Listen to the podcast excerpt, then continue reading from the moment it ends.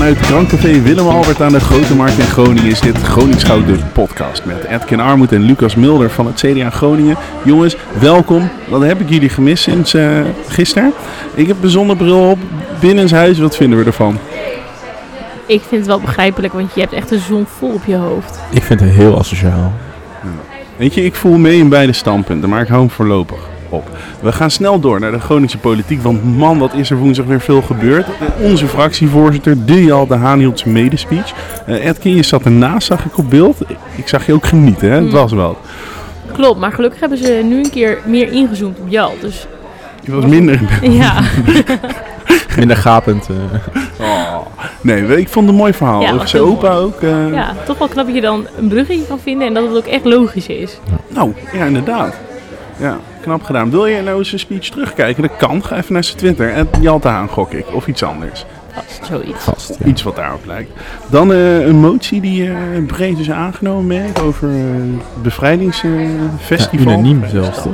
Ja, ja. Raadsbreed.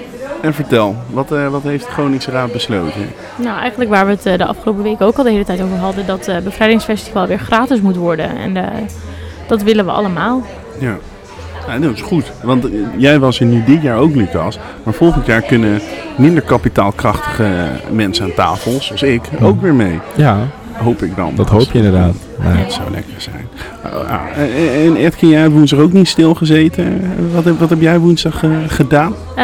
Ik heb vragen gesteld aan eh, de wethouder over vergunningbeleid rondom het Paatswoldse Meer. We kregen allemaal trouwens een mail binnen eh, van ondernemers rond het Meer dat zij inmiddels al drie, ja, sinds de her herindeling, dus bijna drieënhalf jaar al van het kastje naar de muur worden gestuurd bij het aanvragen van vergunningen.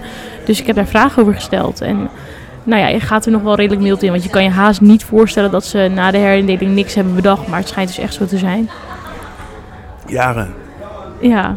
Ja, wel belachelijk. Bizar. Gisteren ja, dus gewoon waanzinnig. eerste gesprek gehad. Nou, ja, raar. Ja, ja. maar um, gelukkig is er nu een korte termijn oplossing bedacht. En ze gaan ook een lange termijn oplossing bedenken. Dus dat is goed. Nice. Lekker Ja. gewerkt. Krantenkopjes gehaald. Maar veel belangrijker, direct effect dus. Ja. Nou, ben je trots?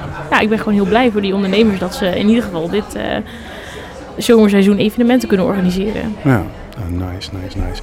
Da da dan is er nog meer gebeurd gisteren. Ik meen ook in de vraagronde kwam, uh, kwam iets naar voren over studenten uh, en, de, en de noodopvang, uh, Lucas. Kun je er meer over vertellen? Ik heb niet, niet alles gezien namelijk. Nee, volgens mij, uh, even uit mijn hoofd, staan er dus 260 noodopvangplekken ieder jaar. Om de studenten die dan geen kamer hebben gevonden aan een kamer te helpen, tijdelijk. Rond augustus, hè? Rond, de, ja, rond augustus, september, als er gewoon de nieuwe lichting weer binnenkomt. We hebben natuurlijk veel internationale studenten die hier gewoon lastig aan een kamer kan vinden, ook al is het voor Nederland. Dus ook best wel uh, ja, pittig om hier een plekje te vinden.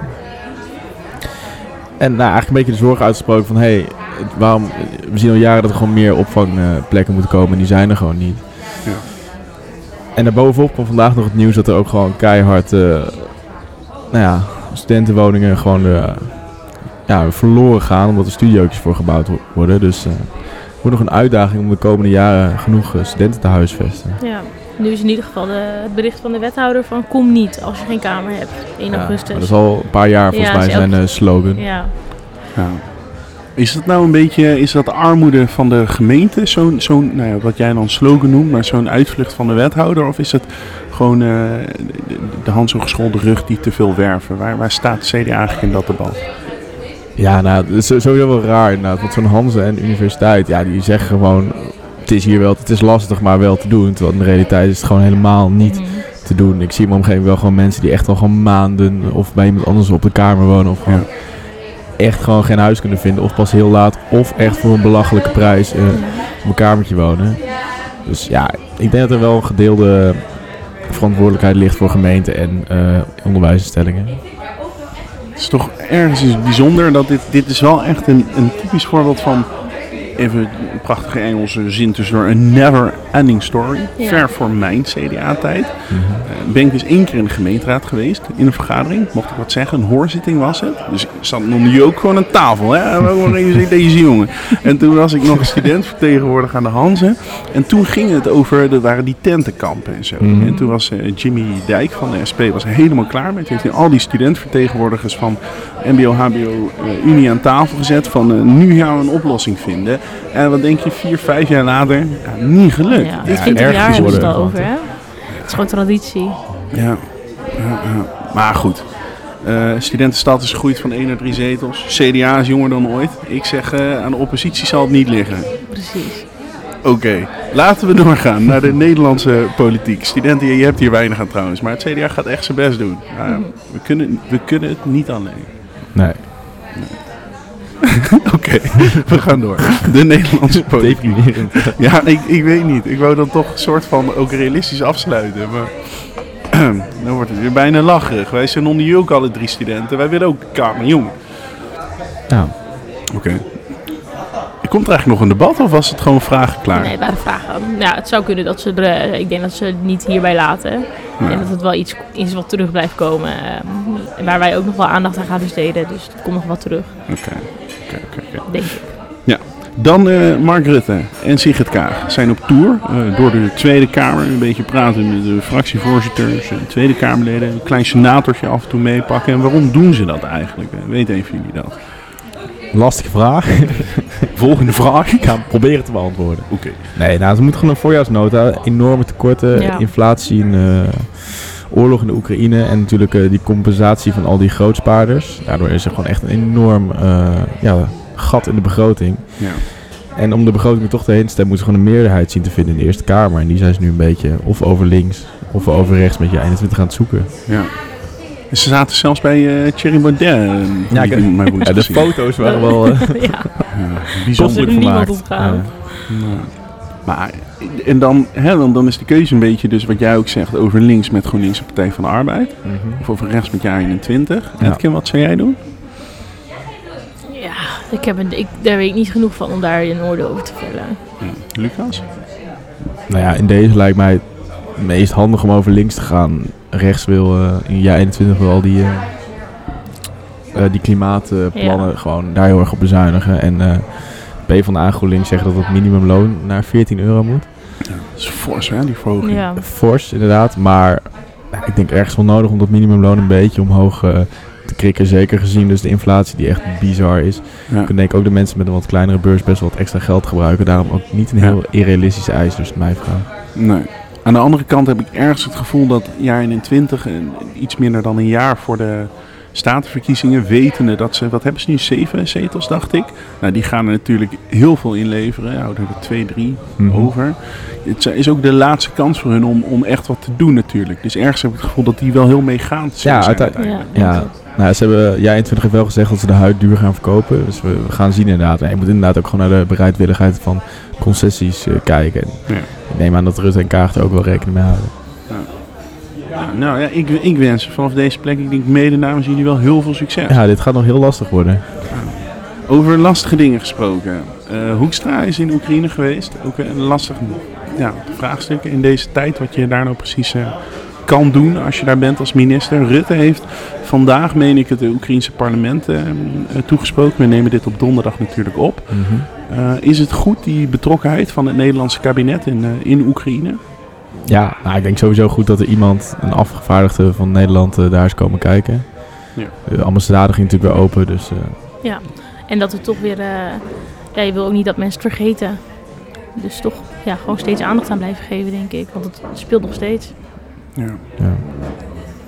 Ja, dat is wel zo, want Oekraïne ontvangt nu al die presidenten allemaal achter elkaar. Volgens mij was Trudeau er niet weg, of dan eh, komt Hoekstra weer aanwaaien. Mm. Dat is geen president. Hoekstra. Hoekstra niet, nog niet. Nog niet. Koning, pas maar op. Ja. Ja. Nee. ja, ik kan er denk ik niet heel veel van vinden hier, maar het is denk ik gewoon goed dat hij zijn gezicht daar even Ja. heeft laten zien. En toch Ja. zijn betrokkenheid eh, Ja. daarmee heeft laten blijken. Ja. Dan weer eh, terug van Oekraïne naar Den Haag. Zoals Vera Bergkamp zou zeggen, op sommige momenten is er geen afstand. Tussen Kiev en Den Haag vandaag wel, grote afstand. Maar wij gaan terug naar Den Haag. Want eh, sinds deze week eh 20 fracties eh, in de Tweede Kamer. We stapelen record op record op record op record. Ja. En nu hebben we ook nog Nilufer Gundogan. Hoe kijken we ernaar, mevrouw Armoed? ja, ik zou het niet per se zien als iets goeds. Zoveel fracties. Niet. Nee. Is het niet een kwestie van hoe meer, hoe gezelliger? Ja, ja ik zie het niet zo. Nee. Jij? Nee, ik ook niet. Nee. Nee. Maar ja, Ik Waarom ergens niet, als ik vragen mag? waarom, nou, waarom niet? Omdat die debatten zo Ja. lang duren. Vroeger had je gewoon acht mensen of zo in een debat aan de kant van de Kamer. En er waren er zes die ertoe deden en twee Mhm. die klein waren. En tegenwoordig heb je nog steeds zes die ertoe doen. En dan Mhm. veertien anderen die ook het woord mogen voeren. Ja. Het, is echt, het is echt een ellende. Als je ongeveer klaar bent met, wat zal het zijn, GroenLinks of zo. Als je op zo'n volgorde van grootte gaan in de echt belangrijke debatten. Nou, als je die dan hebt gehad, dan moet je heel lang wachten. En dan komt op een gegeven moment komt Baudet iets heel raars roepen. Of fractiegenoten. En het is altijd, dan, dan spit je even je oor. Dan denk je, non de juni gaat er iets geks gebeuren. En dan als laatste heb je nog omzicht. Wat ik altijd ook nog wel eh, interessant vind. Maar die tussenperiode, dat is echt het is vreselijk. En mm, 20 fracties, hoe zie je dat dan een beetje, de, de invloed die dat dan heeft op de controlerende macht? Mm. Ik denk dat het heel erg is, want ze zeggen ook allemaal... Kijk, nu bijvoorbeeld in Groningen zie je het al. Hè, we hebben hier twee zetels. Je kan niet die enorme workload perfect doen. Dus je hebt daar heel veel ondersteuning voor nodig. En hier heb je heel weinig geld natuurlijk in verhouding. Maar daar ook, als jij eh, in je eentje... en er zijn steeds meer eenpitters... maar ook als je met z'n drie of met z'n vijf of z'n zessen doet... je gaat het niet redden. Dus je hebt, je hebt veel meer mensen die op één of twee of drie issues zich heel erg laten zien. En al het andere eh, van het controlerende werk gewoon uit een soort, ja, dat ze ook niet meer kunnen, moeten laten varen. Ik denk dat het de controlerende taak van de Kamer echt beschadigt. Ja, en überhaupt als we het hebben over de controlerende taak van de Kamer. Ik heb wel eens gelezen dat ze in, de, in het Duitse parlement, die volgens mij echt al vele maten groter is dan het Nederlandse parlement, volgens mij gewoon per parlementariër 6, 7, 8 fractiemedewerkers hebben. Terwijl in Nederland het gemiddeld 1 is. Ja. Dus ik zou zeggen, gewoon naar iets meer geld naar zo'n Tweede Kamer toe. Want ik denk ook dat dat het... Ja, dat is want dat durven ze nou weer niet.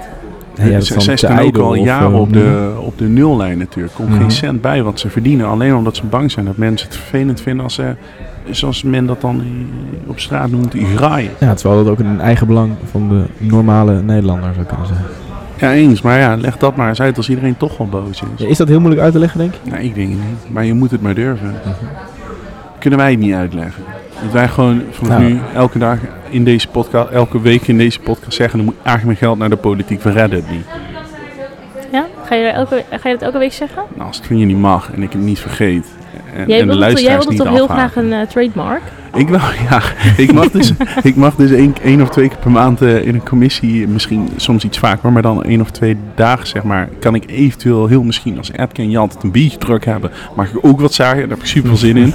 Maar ik wou dus eh, inderdaad een slagzin aan het einde. Zoals Marianne Thieme zei vroeger altijd, in Voorts eh, ben ik van mening dat er een einde moet komen aan de bio-industrie.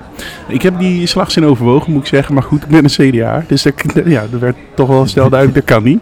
Maar ik, ik wil dus wat anders. En als het mee zit, mag ik dus volgende week voor het eerst wat zeggen. Maar heb je al Dan wat moet ik al wat opties? hebben. eh, Nee, misschien kunnen we, kunnen we even brainstorm even brainstorm. Heb jij nou een geweldig idee trouwens, als je luistert voor een slagzin? Mail het naar mail met groningschout.gmail.com. En zet het in het onderwerp wel even lezen, want je leest alle andere mails niet. Maar deze moet je echt even lezen voor woensdag, want anders heb je mijn slagzin niet gelezen. Want het is druk in de inbox, kun je je Ja, De sponsoraanvragen lopen binnen. Heb jij trouwens zin in een heerlijk bakje koffie, een biertje of een lekker hapje? En ben je in Groningen, ga naar de grote markt. En daar zit, eh, oh jongen, ik ben het naam kwijt. Willem Café- Albert. Café Willem Albert. Of wij. Dankjewel. Ja, en op donderdag heb je kans dat je tegen ons aanloopt. Non de wat heerlijk. Gewoon post, hè, van 10 uur s ochtends. En tot, we hebben eh, nog een eh, plek vrij hier. Dat is waar. Ja. Dat, ja. Schuif lekker aan. Ja. We hadden het over... Zo is wel leuk om een keer. Nou, laat maar. Nee, We zeg gaan maar. door. Nee, nee, dan een keer Maar een goed om maar, even eh, trademark voor Isaac. Ja. We gaan Ja. erover nadenken. Dat is goed. Komen we aan het einde van de podcast op terug. Wil ik van jullie allebei een idee hebben. Dan kies ik de beste uit.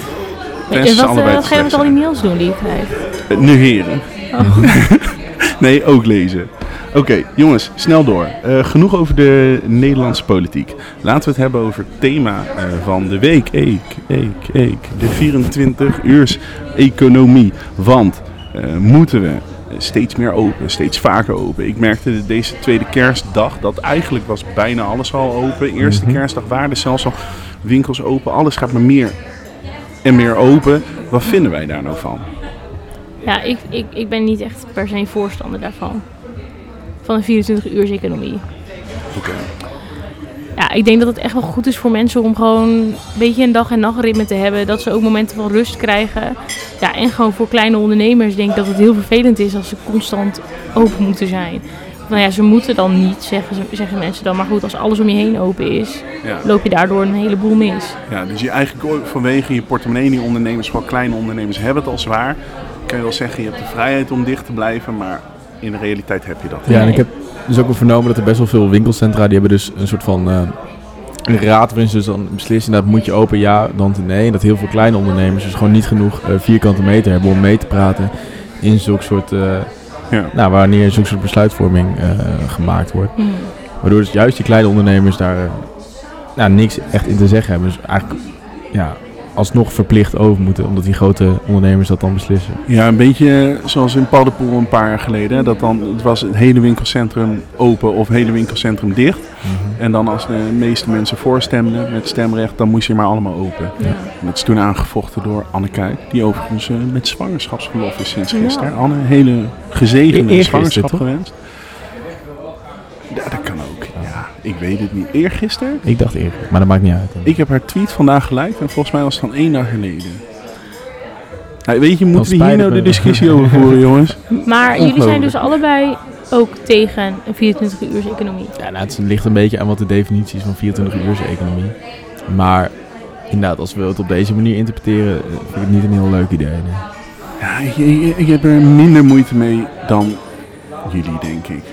Er, kijk, ik snap het punt voor kleine ondernemers, hè. En die, die, die gun ik het allerbeste. Dus dat, dat houdt me dan nog een soort van tegen. Maar soms heb ik bij eh, enkele CDA, niet bij jullie hoor, maar bij enkele CDA's nog wel het gevoel dat het ook een van de makkelijke argumenten is om bijvoorbeeld te zeggen van nou op zondag willen we echt even rust en al die christelijke feestdagen ook allemaal dicht en dan, dan, nou, dan gooien we het op dit soort argumenten. Maar wat vind jij dan nou echt voordelen van een 24-uurs-economie, behalve dat dingen efficiënter worden en sneller, zeg maar? Nou ja, behalve die twee toch wel vrij cruciale punten, zeg maar, niks. twee Ja, punten maar- wel. Ja, dan, dan, maar ja, jij zegt dan dat, dat het een makkelijk argument is voor veel CDA's, maar ik vind toch Nee, echt- nee, nee, ja, dat, ja, nee, ik vind klopt, toch dat- echt dat wel dat zwaarder wegen en gewoon dat, nou, dat, dat iets collectief is. Dus dat alles dicht is op een bepaald moment. Dat het een soort van, ja, voor iedereen een moment van rust is. Ja, ik vind dat zwaarder wegen dan Ja, maar iets ja. meer efficiëntie. Ik vind dat wel, het- alles is al zo efficiënt. Ja, en ik denk ook wel heel veel. Stel je inderdaad dat een van je gewoon één iemand in je familie heeft dan inderdaad een kleine onderneming die dus dan open moet zijn eigenlijk. Dus niet officieel, maar onofficieel dan eigenlijk wel. Ja, Nou ja, weet je, je wil een keer een paasweekendje weg. Die ander moet dus op maandag weg. ja. En dat lijkt iets kleins, maar als dat keer op keer op keer gebeurt, ja, is het niet heel goed. Snap je? Nee, dat, is- dat, zo, dat, dat, dat snap ik. Dat is ook wel kloten, hè? Eh, hè? Voor in dit soort situaties. Ik zeg ook niet dat ik wil dat alles maar altijd open is. Ik zeg alleen dat ik soms het gevoel heb dat ook CDA's, maar ook andere confessionele politici of mensen ook gewoon het zien als een argument dat wel lekker klinkt, terwijl het ze eigenlijk gewoon gaat om die christelijke tradities beschermen. Mhm. En daarvan denk ik, ja, dat is allemaal leuk en aardig, de tijd verandert. Daar moeten we ook een keer over na gaan denken. Ik heb overigens, beste luisteraar, niks tegen het christendom. Maar ik vind wel, eerste kerstdag, nou ja, oké. Maar dan tweede ook nog een keer. En eerste paasdag, oké. Maar dan tweede ook nog een keer. Hebben we bij Pinkster, hebben we er ook twee, toch? Ik denk, het is allemaal wel Ja, veel maar- hoor. Ja, Maar- ik vind het wel mooi. Ik zeg niet dat het elke keer dicht moet. Volgens mij is het gewoon tweede kerstdag, inderdaad tweede paasdag, tweede pinksterdag. Ja, Is tegenwoordig meestal wel open. ja, ja. Nee, dat is waar. Goed. Dit knippen we eruit. Nee, grapje. Ik sta wel voor mijn mening. Ik weet alleen nog niet helemaal of mijn mening doordacht is. Maar Nee, ik ben het niet zo easy ineens tegen meer vrijheid om shit open te gooien. Nee, en een 21, eh, zo, 24 uur economie is natuurlijk ook dat je als je pot vandaag is besteld om, eh, om 12 uur, dat het dan morgen om half acht eh, bij je wordt afgeleverd. Ja. Ik heb zelf wel eens een koelkast besteld, die inderdaad om half 12 besteld. En die staat dan echt om 7 uur of zo, s ochtends bij je voor de deur. Wat vinden we daarvan? Nou, ik, ik, vind, ik, vind het, ik vind het gek. Ik denk, waar heb jij een koelkast voor nodig? Jij leeft zonder koelkast? Nee, ik, ik- ik stel mij jouw leven voor zonder koelkast. Ik denk, Waarom zou je geen koelkast nodig hebben? hoe vaak is deze man nou thuis? Die eet toch gewoon bijna altijd buiten de deur. Wat, wat doe jij met die koelkast? Volgens mij zit er ook gewoon niks in. Ik jij, denk vindt, gewoon, jij vindt eigenlijk energieverspilling. nou ja, en een schandalige energieverspilling als ik eerlijk ben. Want dat ding zit waarschijnlijk nu nog steeds in stofcontact. En ik durf te gokken, er zitten maximaal drie producten binnen, waarvan nog maar één houdbaar. dat is mijn gevoel. Hij lacht er wel bij alsof het klopt. Nee, nee, nee, nee, nee. Het is gewoon een volle koelkast hoor. Oké. Nee, maar dan in dat geval vind ik dat... Ja, ik weet dat niet zo goed. Kijk, weet je wat ook het ding is? Eh, bijvoorbeeld bij pakketbezorging, hè, als we dan toch over koelkasten hebben. Stel, ik ga naar bol.com. Ik zeg niet dat het vaak gebeurt, maar af en toe gebeurt het. Ik koop vier artikelen en dan vervolgens krijg ik door vier verschillende postbezorgers, soms twee of drie op een dag en dag later nog één, krijg je die pakketjes. Waarom En dan- heb je niet gewoon in één bestelling? Nou, exact. Maar dat kan wel, Ja. want dat, bij Bob.com, die werkt, dat is een soort van platform waar allemaal kleine bedrijfjes Precies. die Oh ja, producten kunnen verkopen. Precies, maar dat, dat soort dingen, dat je gewoon... Waarom hebben we niet gewoon dat we dat een beetje eh, beter maken? Ja, ja, maar hoe zie je dat dan voor je? Dus dat die vier kleine bedrijfjes sturen het vervolgens allemaal naar een één centrum die het vervolgens allemaal naar jou stuurt? Nee, Waarschijnlijk nee, nee, hebben, nee. Ze, hebben ze nu de efficiëntste methode. Nee, ja, dat denk ik dus niet. Want het ene Nee, ding ja. is, al die postbezorgers, heb ik laatst bij Lubach gezien, dus dan is het waar. Die moeten plassen in flessen, in een autootje, omdat ze bezorgd krijgen per, eh, eh, betaald krijgen per bezorgd pakketje. Ja. En dus doe jij niet open, ja, hebben zij pech, krijgen ze gewoon geen centjes voor, omdat ze allemaal in zo'n soort schijnzelfstandigheid zitten. Eh, allemaal gedwongen ZZP'ers. Maar wat je dus denk ik zou moeten doen, is dat je zet gewoon in elk gebied van bepaalde omvang, zet je heel groot soort van warenhuis neer. Daar flik je alles neer. Eh, alle bezorgers van alle bedrijven, hup, kun je daar neerflikkeren. Kom je op je fietsje of in je waggie of lopend, kom je daarheen. En dan laat je dekert zien, zeg ik kom vier pakketjes halen. Dan zegt die mevrouw of meneer, ik ga ze even voor je pakken. Of loop nog zelf door daar, daar, daar. Pak je pakketjes je naar huis. Is toch beter? Nee, dan hebben die mensen weer geen werk. Dat is nog erger dan schijnzelfstandig zijn misschien wel. Ik, ik trek dit in. Ze hebben nu misschien wel de meest efficiënte methode, maar ze moeten die mensen gewoon in dienst gaan nemen. Nou, wat, Oké, dat moet het zijn. Wil jij je koelkast de volgende dag in huis hebben? Prima. Betaal je 25% meer. ja, ik, nou, ik vind het ook niet zo'n heel gek idee. Nou, wat je ook ziet inderdaad, doordat je dus allemaal heel gauw kan bezorgen, dat je dus gewoon grote spelers heel erg nou ja, in het zadel werkt. Ik bedoel, voor kleine ondernemers is het niet te doen om een koelkast, een lokale ondernemer die een koelkast verkoopt, kan nooit als hij om half twaalf s'avonds ligt, waarschijnlijk op bed, Mhm. een melding eh, krijgt van, joh, ik wil morgen een koelkast. Ja. Nou, die kan om half zeven ligt hij waarschijnlijk alsnog in bed als die koelkast geleverd wordt. Maar waarschijnlijk is het voor heel veel mensen een reden om dan naar een grotere speler te gaan. Voor Ja. die koelkast. Ja, ik heb wel eens gelezen dat, in ieder geval, een soort van, volgens mij is het een beetje een utopische eh, uiteenzetting. Ik weet niet precies hoe het ging, maar inderdaad, dat gewoon over een paar jaar, waarschijnlijk dat Amazon en Bob.com gewoon de hele markt hier aan het domineren zijn. Dat we daar straks alles kunnen halen. Dat is dan natuurlijk een beetje, Ja. je ziet het niet 1, 2, 3 gebeuren. Nou ja, Daar kan je wel een beetje bang voor zijn. nee, dat, dat, dat snap ik goed. En ik denk dan, verander daar wat aan, eh, meneer eh, de aspirant politicus en mevrouw de politicus. En Kunnen we niet in Groningen gewoon zeggen, voortaan mag je binnen gemeentegrens van Groningen niet meer bij Amazon kopen? Nou, ik denk niet dat we dat gaan zeggen, maar als CDA zijn we wel altijd bezig met opkomen voor ondernemers. En eh dat is toch een belangrijk punt voor ons. Dus Ja. Maar dus denk misschien een dat beetje, zeker doen. eh, hoe kan je, kan je een beetje door filosoferen, maar hoe, hoe denk je nou dat je dat aan kan pakken inderdaad? Eh, Heb, we hebben het nu nog steeds over het grote bol.com. Ja, ja. eh, Zulke soort bedrijven. Of Gewoon, hoe, hoe ontlast je die onder druk staande lokale kleine ondernemers? Andersom dezelfde vraag. Ja, nou ja, ja precies. Maar ik Mhm. dacht, eh, hij was niet helemaal duidelijk. Dus ik leg hem even. ja, dacht ik gewoon. Oh, de vraag is... Nee, oh, ja, de- vraag ik denk, we zijn natuurlijk... Oh, eh ja, hoe ontlas je... Dat, dat, is, dat, ja, dat vind ik lastig, want jij hebt het over bedrijven als bol.com. En dat is niet iets wat gewoon in Groningen zit. En mensen uit Groningen bestellen daar ook vandaan. Mhm. Ja, precies, maar dat, dat is toch een beetje het probleem. Ja, je moet ja. op de een Nee, of andere klopt. manier, denk ik, eh, eh, moet je er heel snel... Want ik ben ook bang voor dat je binnen tien jaar wel de draai moet hebben gevonden. Of moet hebben gereguleerd, omdat het anders te laat is. Maar je moet ergens, moet je het misschien niet dan wat ik net voorstelde, moeilijker maken om bij dat soort bedrijven te, eh, te kopen. Maar misschien veel aantrekkelijker om het regionaal te doen. Ja. Mhm. En daar zou je denk ik wel, ehm, wel vormen voor moeten kunnen vinden. Vast wel. Laten we gewoon eh, hier later op terugkomen met een masterplan. Ja. Een goed idee. Of eerlijk toegeven over een jaar of zo dat we echt ons best hebben gedaan, maar dat geen masterplan was. Want dat zou in theorie kunnen. Maar ik Mhm. denk dat we wat moeten kunnen verzinnen. Oké. Nou, ik vond, ik vond dat we het thema toch wel weer aardig hebben uitgediept eh, deze week. Vond je niet? Ja, zeker. Ja, interessant thema. Ja. En wel lastig om hier een mening over te vormen. Of ja, niet zozeer een mening, maar om...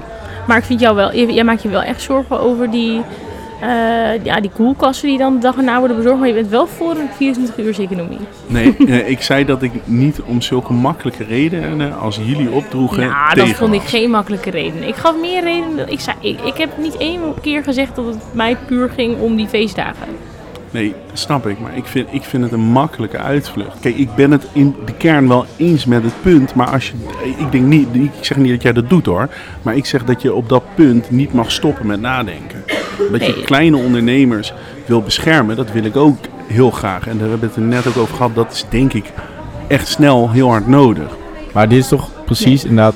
Maar het gaat wel om- meer dan alleen de kleine ondernemers. Het gaat denk ik ook gewoon om sociale eh, contacten die eronder zullen lijden als jij constant een ander ritme hebt dan bijvoorbeeld je huisgenoot. Het gaat ook om eh, nou ja, die gemeenschappelijke sluitingstijden dan. Zeg maar. Het gaat wel om meer dan alleen maar de kleine ondernemers. Dat is ook wel heel belangrijk. Dat, dat is waar. En aan de andere kant zou je kunnen zeggen dat het ook weer heel veel werkgelegenheid in potentie zou kunnen opleveren. Ja.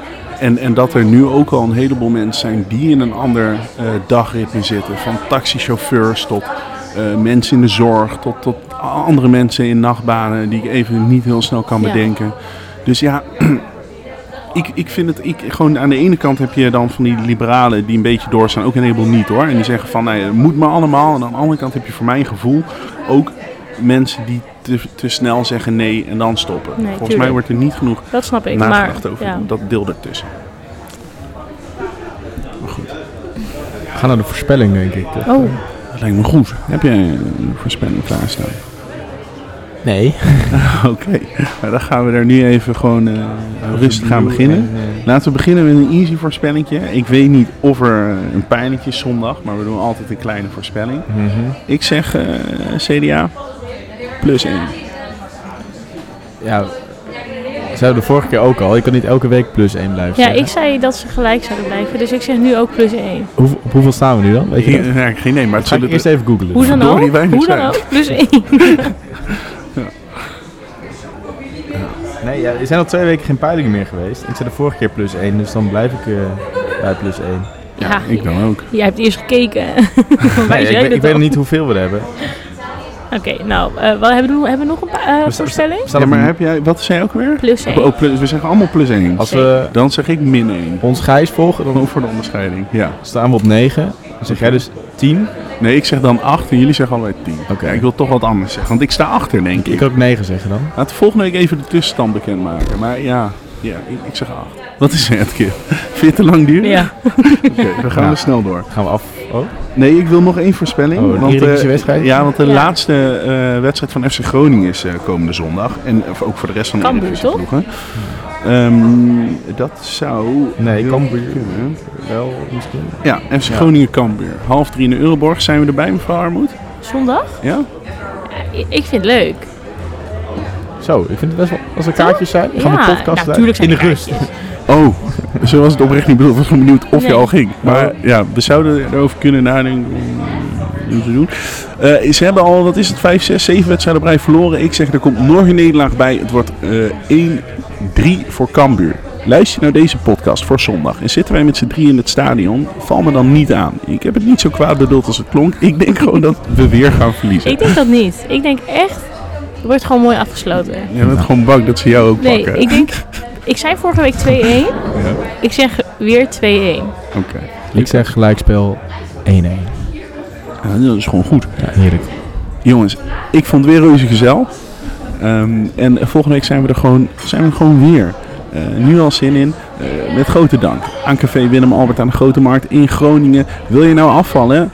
Doe dan geen dieet. Want dat helpt niet, hebben we vorige week geleerd van Edkin. Maar als je er één doet, intermittent fasting. Want die sponsoren deze podcast. Bedankt voor het luisteren. Tot volgende week. Doei. Jullie hebben al zoveel gedaan. Hadden wij als politiek maar meer gedaan. Het is een ingewikkelde puzzel. Klimaatverandering is een van de belangrijkste vraagstukken van deze tijd. Veel van wat vanzelfsprekend was verdwenen. Wat ongelofelijke clusterfuck. Ze hebben wel stoere praatjes. Dat is de tactiek. Voorbij de tegenstellingen.